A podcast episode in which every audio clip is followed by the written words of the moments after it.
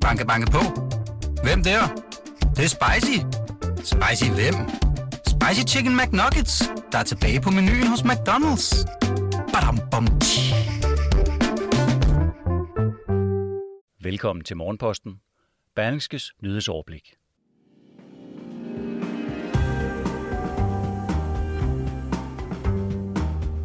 Når FN's klimapanel i dag udkommer med den 6. hovedrapport om klimaets tilstand, så viser den blandt andet, at klimaforskerne har været meget præcise i deres forudsigelser.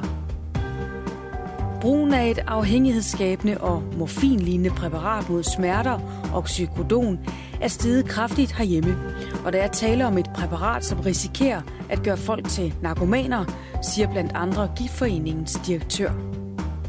Og så er der behov for en ny økonomisk plan efter corona, mener en række af Danmarks topøkonomer. Med disse overskrifter har vi taget hul på ugens første udgave af Morgenposten. Det er mandag den 9. august. Jeg hedder Mette Melgaard. Skolerne starter igen efter sommerferien, og i dagens Berlingske er der også fokus på børnene og en ny undersøgelse fra Børns Vilkår. Den viser, at knap hver femte skoleelev i 4. og 7. klasse havde svært ved at vende tilbage til skolen efter coronanedlukningen. Det er jo en stor omvæltning. Der er sket rigtig meget i børnelivet det sidste halve år, så selvfølgelig er det svært for nogen, siger Sanne Lind, børnefaglig konsulent hos Børns Vilkår.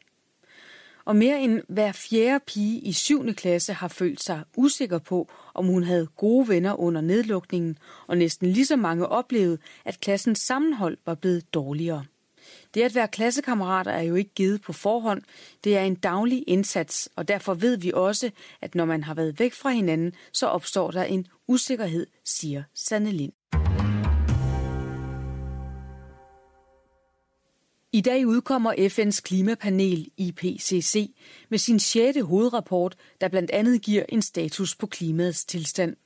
Og på en række punkter er virkelighedens klima i dag stort set, som IPCC forudså i 1990. Det fremhæver både klimaforskere, en tidligere klimakommissær og en kritiker som Bjørn Lomborg, skriver Jyllandsposten. Grundlæggende tyder det på, at IPCC har ramt rimelig præcist i panelets forudsigelser, siger netop Bjørn Lomborg, der i dag er leder af tænketanken Copenhagen Consensus.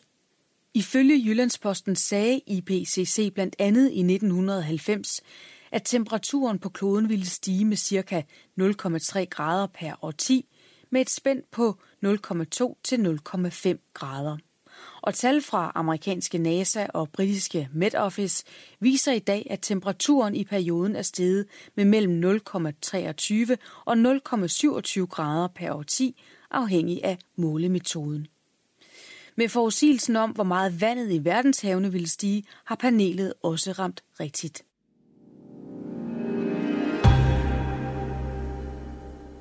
I Berlingske kan man i dag læse, at der er behov for en ny økonomisk plan efter corona. Og det meget snart. Det mener i hvert fald en række af Danmarks topøkonomer. Ønsket er en 2030-plan, som populært sagt skal fortælle, hvor mange milliarder Mette Frederiksens regering og fremtidige regeringer har råd til at bruge på valgløfter og mere offentligt forbrug, uden at sætte den sunde økonomi over styr. Tidspunktet for en ny 2030-plan er helt klart rykket nærmere, og når jeg siger det på den måde, er det fordi det er rarest at have overblikket over coronakrisens konsekvenser for den danske økonomi, siger professor i økonomi ved Aarhus Universitet, Torben M. Andersen.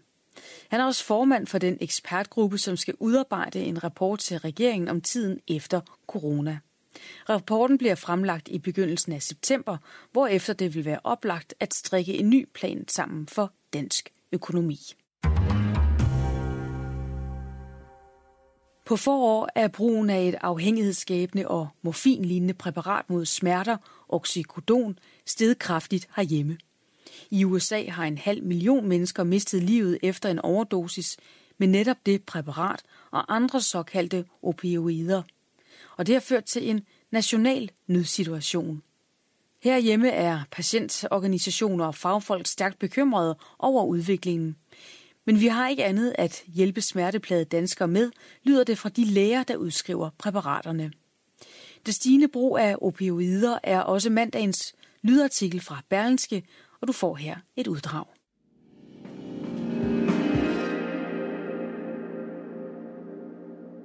De seneste år har der været en markant stigning i antallet af patienter med for eksempel ondt i ryggen, gigt eller smerter efter en operation, som får en recept på et afhængighedsskabende og morfinlignende præparat, Oxycodon.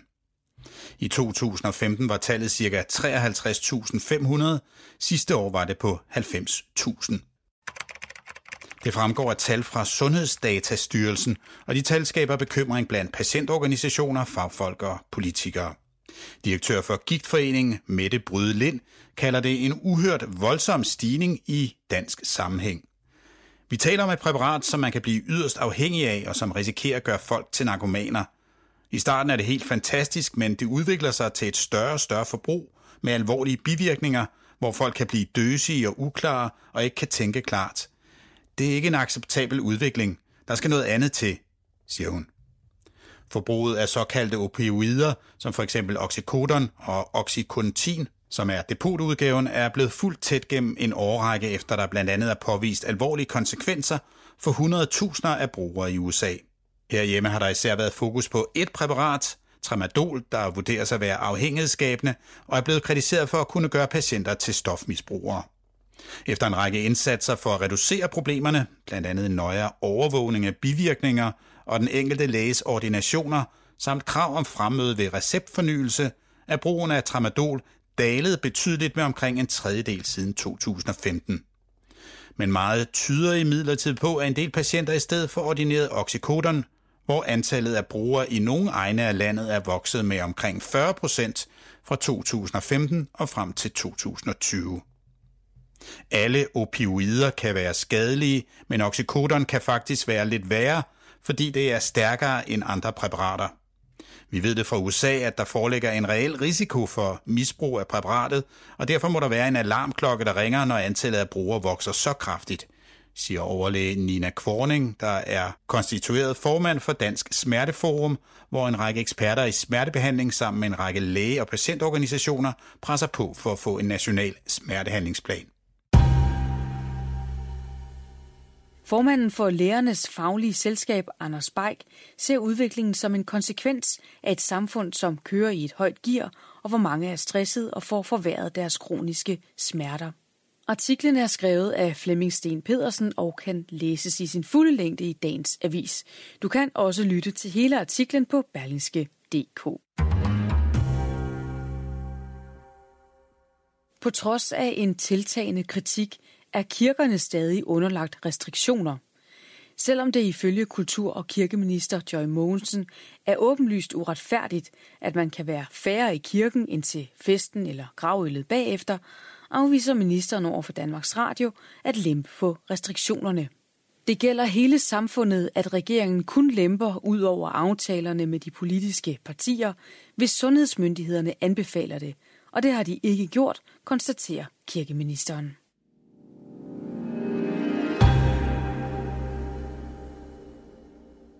Berlingske Business skriver i dag om de kinesiske myndigheders indgreb over for spil- og chatgiganten Tencent og manden bag Ma Huateng, som er en af Kinas rigeste mænd. Indgrebet viser, at selv ikke tech-giganter, der forsøger at holde sig på god fod med Kommunistpartiet, er fredet.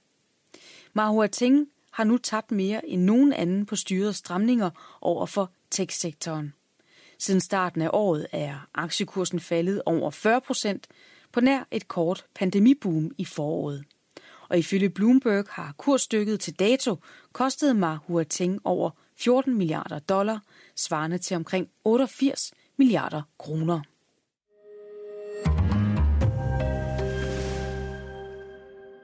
Dagen i dag byder på flere begivenheder. Som nævnt udkommer den 6. hovedrapport om klimaforandringer fra FN's klimapanel. Og der er tale om den første del af rapporten, som bliver offentliggjort i Genève kl. 10. Og den giver altså en status på klimaets tilstand, samt de mest sandsynlige bud på fremtidens klima. I eftermiddag gennemfører de strækkende sygeplejersker en strækkebegivenhed på gågaden i Odense. Og det sker kl. 16.20. Lige efter bliver de hjemvendte olympiske atleter fejret. Det er Sport One Danmark, Danmarks Idrætsforbund og Team Danmark, der fejrer den danske OL-delegation og de danske atleter. Det sker ved en hyldest på taget af Experimentarium i Hellerup kl. 16.30.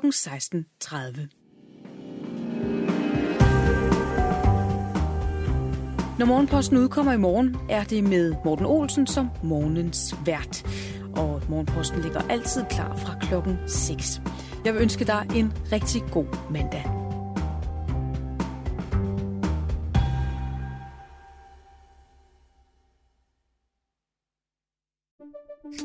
Banke, banke på. Hvem der? Det, det er spicy. Spicy hvem?